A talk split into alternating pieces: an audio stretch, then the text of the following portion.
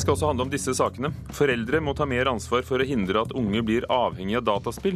Det mener både helsepersonell og spillutviklere. Fritt Ord deler i dag ut presseprisene for Russland og Øst-Europa. En av vinnerne ble stoppet på flyplassen på vei til Norge. Og Callgirl er en spekulativt snuskete film og ikke en politisk thriller, sier vår anmelder om den svenske filmen som måtte klippes om etter at Olof Palme, Palmes familie klaget på at statsministeren lignet på nettopp Palme. Kulturnytt i Nyhetsmorgen. Foreldrene må ta mer ansvar for å unngå dataspillavhengighet. Det oppfordrer altså både folk fra helsevesenet og fra spillbransjen selv. Det er spesielt viktig at foreldrene bryr seg nå som sommerferien med mye fritid nærmer seg, sier Bernt Erik Sandnes, tidligere spillutvikler.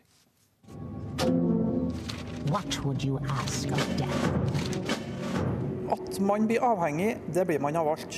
Eh, man blir påvirka av utenomverdenen. Og det er sånn med alle menneskene at vi blir påvirka. Og når vi først blir påvirka, så er det fort gjort at vi tar steget over til å bli avhengig. Det sier Bernt Erik Sandnes, som jobber for spillmagasinet Game Reactor. Og, og da er det viktig at foreldrene kommer inn før det går for langt. I Norge var nesten 4000 ungdommer mellom 12 og 17 år spilleavhengig i 2010. Det viste forskning gjennomført av Norsk institutt for forskning, oppvekst og aldring. Spill kan være en flukt bort fra andre ting som kan være vanskelig i livet. Eh, men å ikke la være å ikke snakke om det her sammen med ungdommene sine.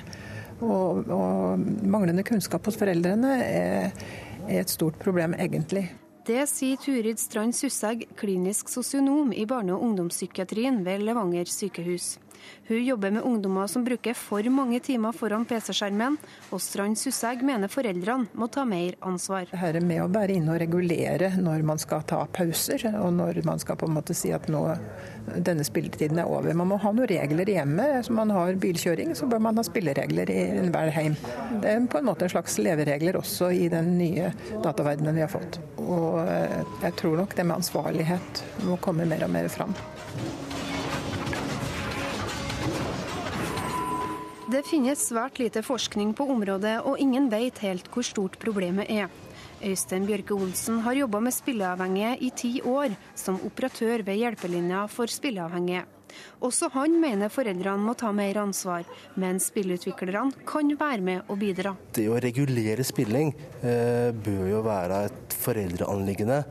Eh, samtidig så bør jo også spillindustrien se på om det er mulig å legge inn mekanismer i spillene som gjør at det er eh, mulig å begrense spillinga.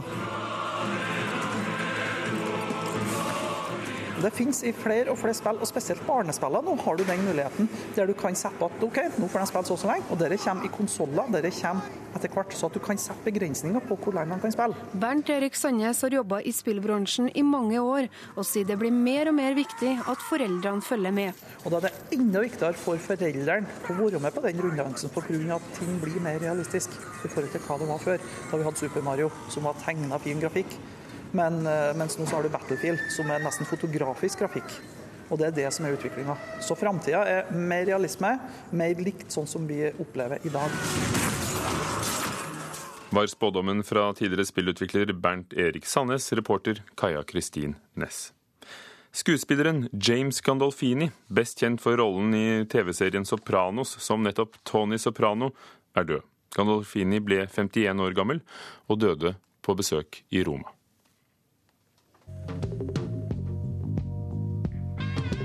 James Gandolfini var nesten helt ukjent da han fikk hovedrollen som en mafiaboss i HBO-serien The Sopranos. Men serien blir nå regna som starten på en ny æra i TV-drama, og satte Gandolfini på kartet.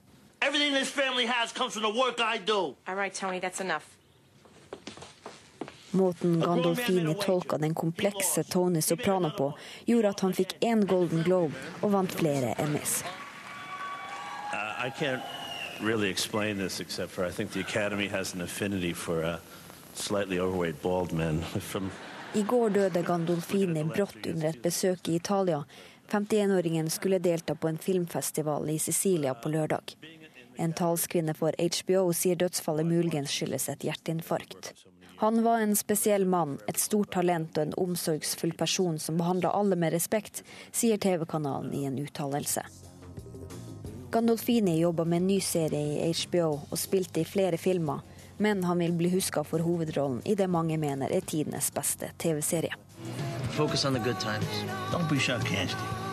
Isn't that what you said one time? Try and remember the times that were good? I did?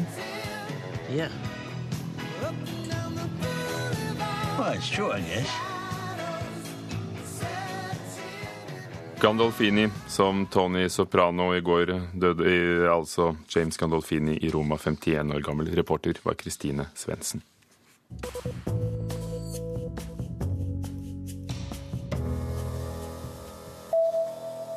Varsleren Edward Snowden har vært i kontakt med Wikileaks-grunnlegger Julian Assange for å få hjelp til å søke asyl på Island.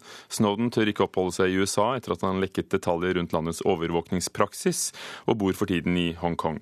Islands statsminister Sigmundur David Gunnlaugsson bekrefter overfor det franske nyhetsbyrået AFP at personer i regjeringen har hatt uformell kontakt med Snowden. En gallerieier må møte i retten for å ha solgt en forfalskning av Sinnataggen, Gustav Vigelands berømte skulptur, skriver VG i dag. Gallerieieren ble først ilagt et forelegg på 25 000 kroner for brudd på åndsverkloven, men nektet å vedta boten. Han hevder han ikke har gjort noe galt, og sier han handlet i god tro. Syv politikere, blant dem Heikki Holmås, Per Sandbark og Sandra Borch, skal til høsten delta i en ny realityserie på fjernsyn. De skal plasseres på en hytte i Østfold, uten strøm eller innlagt vann. Der skal de diskutere ulike oppgaver knyttet til politikk og ellers prate uformelt, skriver Dagens Næringsliv. Og det er TV 2 som skal sende serien.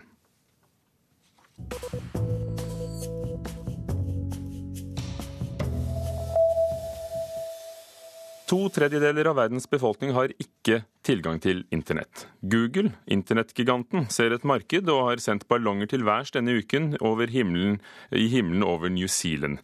De 30 ballongene skal altså 20 km opp i stratosfæren og gi internettilgang til 50 forsøkspersoner. Prosjektet heter Loon, som i gærning, tulling på engelsk. Og Robindra Prabhu, fysiker og prosjektleder i Teknologirådet. Er det galskap? Um, det kan man jo lure på. Google har jo kalt det loons, som du sier, og, eh, og, det tyder vel på at de selv er litt usikre. Men, uh, men uh, dette er jo et prosjekt som kommer fra Googles forskningsarm Google X, som også har levert disse autonome bilene som kjører seg selv, og Google Glasses, som vi venter på i spenning så, eh, så, tror vi har all grunn til å tro at, eh, at, eh, at, at dette også kan være noe som har, har, noe for seg. Ballongene er gjennomsiktige, 15 meter i diameter, og, og sendes altså opp 20 km over jorden. Men hvordan fungerer det deretter? Ja, disse ballongene de er utstyrt med elektronisk utstyr, som gjør det mulig for dem å kommunisere ikke bare seg imellom, men også sende internettsignaler ned til bakkenivå. Så hvis man tenker på dette nettverket av ballonger der oppe da, i, i stratosfæren som, eh, som, svevende perler på en snor, så, eh, så kan man tenke seg at, at, at, disse signalene fra internettet på bakkenivå da blir formidlet via disse eh, ballongene og ut til steder som i dag ikke har tilgang til internett. Hvilke konsekvenser eh, ser du for deg? Eh, dette er jo først og fremst veldig, veldig, veldig spennende. Eh, det har vært store problemer knyttet til dette tidligere. Det er ikke første gang noen prøver å gjøre dette her. Men det som gjør dette litt spesielt, er at det er Google som står bak det. Og det Google er flinke til, det er nettopp det å bruke data. Fordi at der oppe så er jo disse ballongene eh, De svever jo rundt og forflytter seg jo med luftmassene. Som jo betyr at at de, eh, at de, ikke blir på samme sted. Eh, for Her er det snakk om å utnytte luftstrømmen i stratosfæren og, og, sende dem rundt, så det alltid blir dekning. Men hvor god er denne dekningen? Vil det lykkes, sett med dine fysikerøyne? Det, det, er vanskelig å si. Men det Google nettopp gjør, det er at de bruker store mengder værdata og kjører det gjennom sine kraftige datamaskiner, for så å regne ut hvordan disse luftstrømmene kommer til å bevege seg. Og da kan de også styre hele denne flåten av, av ballonger. Eh, ja. Google er god til å bruke data, sier du. Det har jo vært en uh, skandale i USA hvor de nettopp har brukt data og gitt dem til etterretningstjenesten i USA. Vil det være et argument for uh, at nasjonale myndigheter selv burde lage slike prosjekter, fremfor å overlate det til et privat selskap i USA? Det, det, er jo alltid et spørsmål man bør stille seg. Google er, er flinke til å levere internettjenester, men det er også, det er også et spørsmål man må stille seg ved at et selskap som Google skal kontrollere så mye av den informasjonsflyten eh, som, som, og tilgang til informasjon som vi nå har i, har i, verden. Når det er sagt, så er det veldig veldig spennende at, at man nå får internett ut til steder som tidligere ikke har tilgang til internett.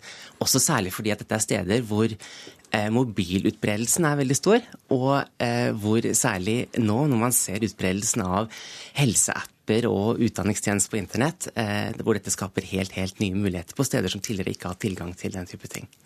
Tidligere har jo en måte å nå, å nå, befolkning i steder som ikke har fri tilgang til kommunikasjon, vært nettopp kortbølgeradioen. Eh, kan denne måten å gjøre det på være noe som åpner opp verden, tror du?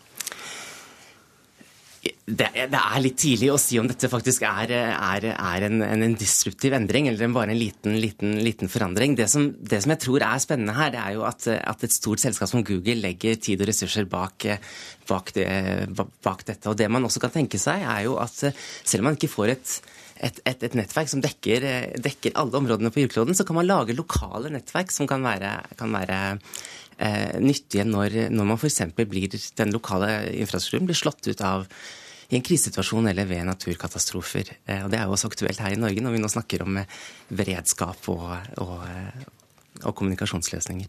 Takk skal du ha, Robindra Prabu, fysiker og prosjektleder i Teknologirådet, for at du kom og snakket om LUN, internettballongene som nå er sendt opp over New Zealand.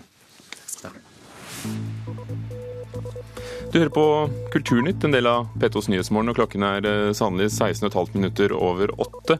Overskriften i dag halvparten av alle drapene så langt i år er begått av den dreptes nåværende eller tidligere partner. Foreldre må ta mer ansvar for å hindre at unge blir avhengig av dataspill. Det mener eksperter fra både spillbransjen og helsevesenet, som vi akkurat hørte her i Kulturnytt. Og vi skal høre vår anmelder gi dårlig kritikk til filmen Callgirl, den svenske filmen som Palme-familien klaget på. I dag deler stiftelsen Fritt Ord ut sine pressepriser for Russland og Øst-Europa. Men en av mottakerne sitter igjen i Aserbajdsjan. Myndighetene stanset ham på vei til Norge. Nei, Vi syns jo det er veldig synd. Vi skulle jo gjerne hatt han her. Bente Roaldsvik, prosjektdirektør i Fritt Ord, hadde i dag tenkt å gi Meman Husseinov Fritt Ord sin pressepris på 10 000 euro, vel 75 000 kroner. Hun mener han fortjener det, for foto- og videojournalistikk som viser et usminka bilde av Aserbajdsjan. F.eks. fra demonstrasjoner, riving av hus i forbindelse med Grand Prix i fjor i Aserbajdsjan. Men nå har aserbajdsjanske myndigheter hindra den 23-årige fotojournalisten i å komme seg hit for å hente prisen. Han skulle reist til eh, Oslo på mandag. Eh, og han blir stoppet på flyplassen eh, med utreiseforbud. Heldigvis så er jo hans mor her, så vi har jo en som kan ta imot prisen for han. Ja, for Huseinov ville ta med seg mor si til Norge. Hun ble ikke stoppa, og dermed tar hun i dag imot prisen for sønnen sin. Sønnen min har nå holdt på med fotojournalistikk i fire år, forteller Frangisa Huseinova etter ei omvisning på Nobels fredssenter. Mer vil hun ikke si, verken om sønnen eller om situasjonen i heimlandet. Tamina Tagizade er mer pratsom. Også hun er journalist fra Aserbajdsjan, og også hun har i år fått presseprisen til Fritt Ord. Men i motsetning til kollegaen har hun nå kommet seg til Norge for å hente prisen. Uh, since 2010, no any journalist was in prison because of defamation. Uh, it was uh, about uh, hooliganism and by, uh, because of drugs. Hun forteller at det som nå har skjedd med Husseinov, er typisk. Myndighetene har en evne til å være kreativ når de finner grunner for å arrestere eller trakassere journalister. Everybody now, it's, it was because of his work. Good evening, Europe! I fjor hadde mange blikket retta mot Baku. Eurovision Song Contest! og menneskerettighetssituasjonen i landet ble debattert bl.a. i Kulturnytt og Dagsnytt 18. Vi kan aldri vært imot mm. Skal til Baku er veldig tydelig i forkant. Også snakke om menneskerettighetene. Men nå, et år senere, ser vi at Eurovision Song Contest og oppmerksomheten fra Vesten ikke hadde en varig positiv effekt.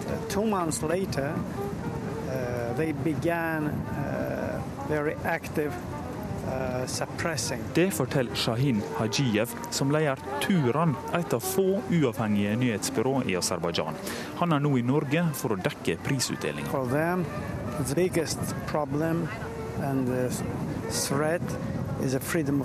Det bles friskt utenfor Nobels fredssenter, men Shahin Hajiyev forteller at det bles enda mer rundt journalister som tør kritisere regimet i Aserbajdsjan, slik som Meman Huzanov.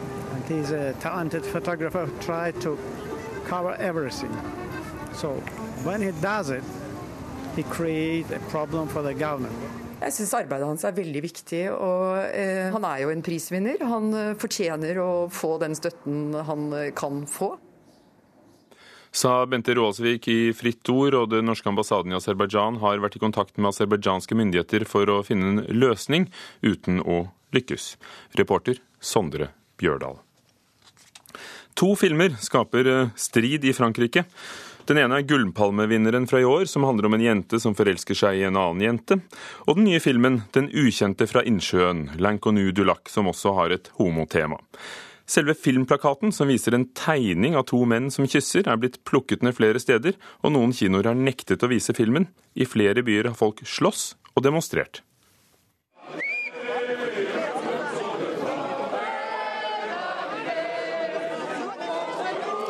När motståndarna till filmen L'Inconnu du lac nyligen tog i med Marseljäsen för att protestera svarade förespråkarna med att ropa Frankrikes motto frihet, jämlikhet och broderskap. Särskilt ordet jämlikhet för homosexuella återkom när demonstranterna drabbade samman vid borgmästeriet i staden Saint-Cloud.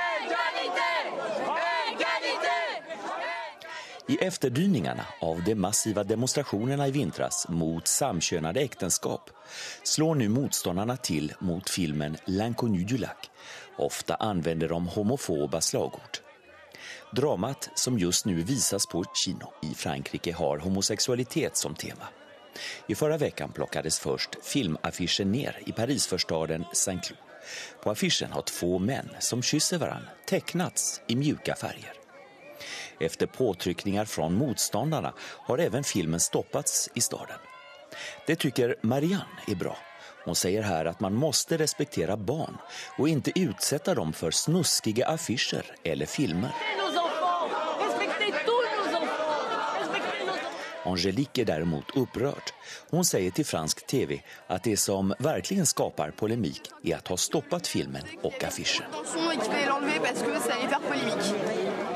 L'Inconnu du lac betyder Den okände vid sjön och har regisserats av Alain Giraudy.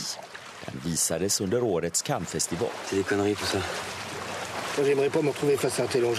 På en sommarstrand där homosexuella män raggar för att ha sex försvinner en av dem och hittas senare mördad. Huvudrollsinnehavarna spelar ofta nakna och vid ett par tillfällen visas utmanande sexscener. Filmkritikern Fredrik Theobald på katolska tidningen La Vie har sett filmen. Han uppskattar den då den inte enbart vänder sig till en gaypublik. Film ghetto pour homosexuels, mais ça m'a semblé ce qui m'a semblé intéressant. Voilà, c'est aliénant tout à fait. Oui. Han säger att handlingen får åskådaren att inse hur alienerande sexualitet kan vara när någon har väldigt många olika partners, som männen i filmen. Fast Theobald tycker dock att regissören gått för långt när han visar scener med män som har erektion. Detta är att gå över gränsen till porr, menar han. Lite onödigt, tycker Frédéric Theobald. Bon, il y a quelques plans qui sont peut-être trop, trop crus et qui n'apportent pas forcément euh, quelque chose. Ok, il est bronzé, il est musclé, il est bien foutu. Mais je te jure qu'il est bizarre. Det stormar även kring vinnaren av Guldpalmen i Cannes 2013, franska filmen La vie d'Adèle, regisserad av Abdelatif Keshish, trots att den ännu inte släppts på kino. Det är en lesbisk kärleksfilm och även här har kritiker tagit ställning för och emot på ett rungande vis i media samt bland allmänheten. Polis befarar nu att protesterna snabbt kan komma att spridas till andra franska städer.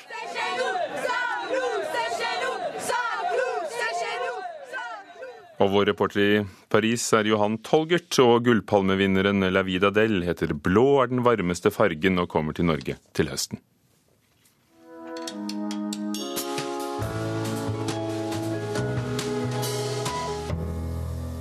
Den svenske filmen 'Callgirl' har kinopremiere i Norge i morgen. Det var den filmen Palme-familien anmeldte for ærekrenkelser mot avdøde Olof Palme, og det førte til at produsentene måtte klippe den om. Vår anmelder Einar Gullvåg Staalesen mener filmen er helt ufarlig, fordi hele fremstillingen er lite troverdig.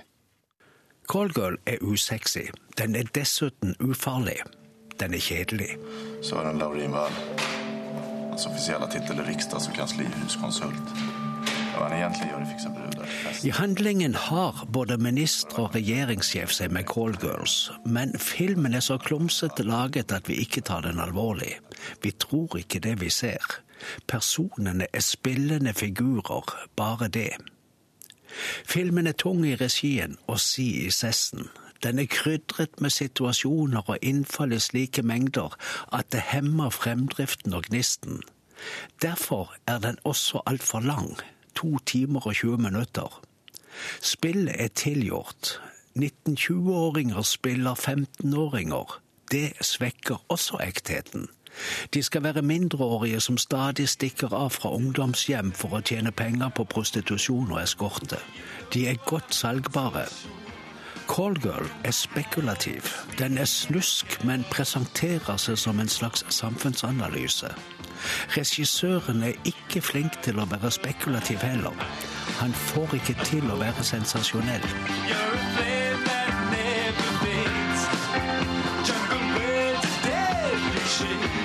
Jeg forstår ikke musikkvalgene.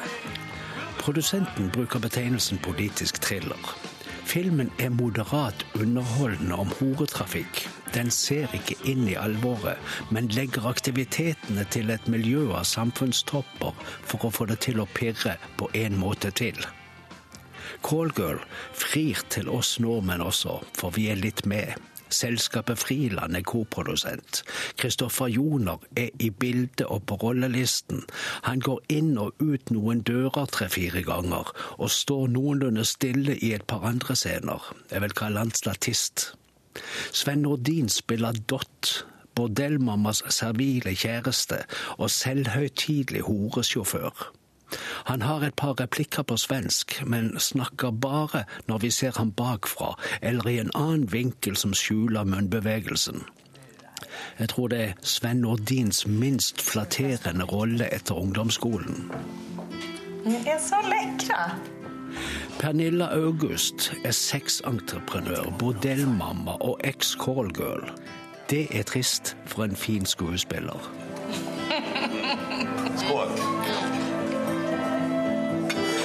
Gubben. Mm.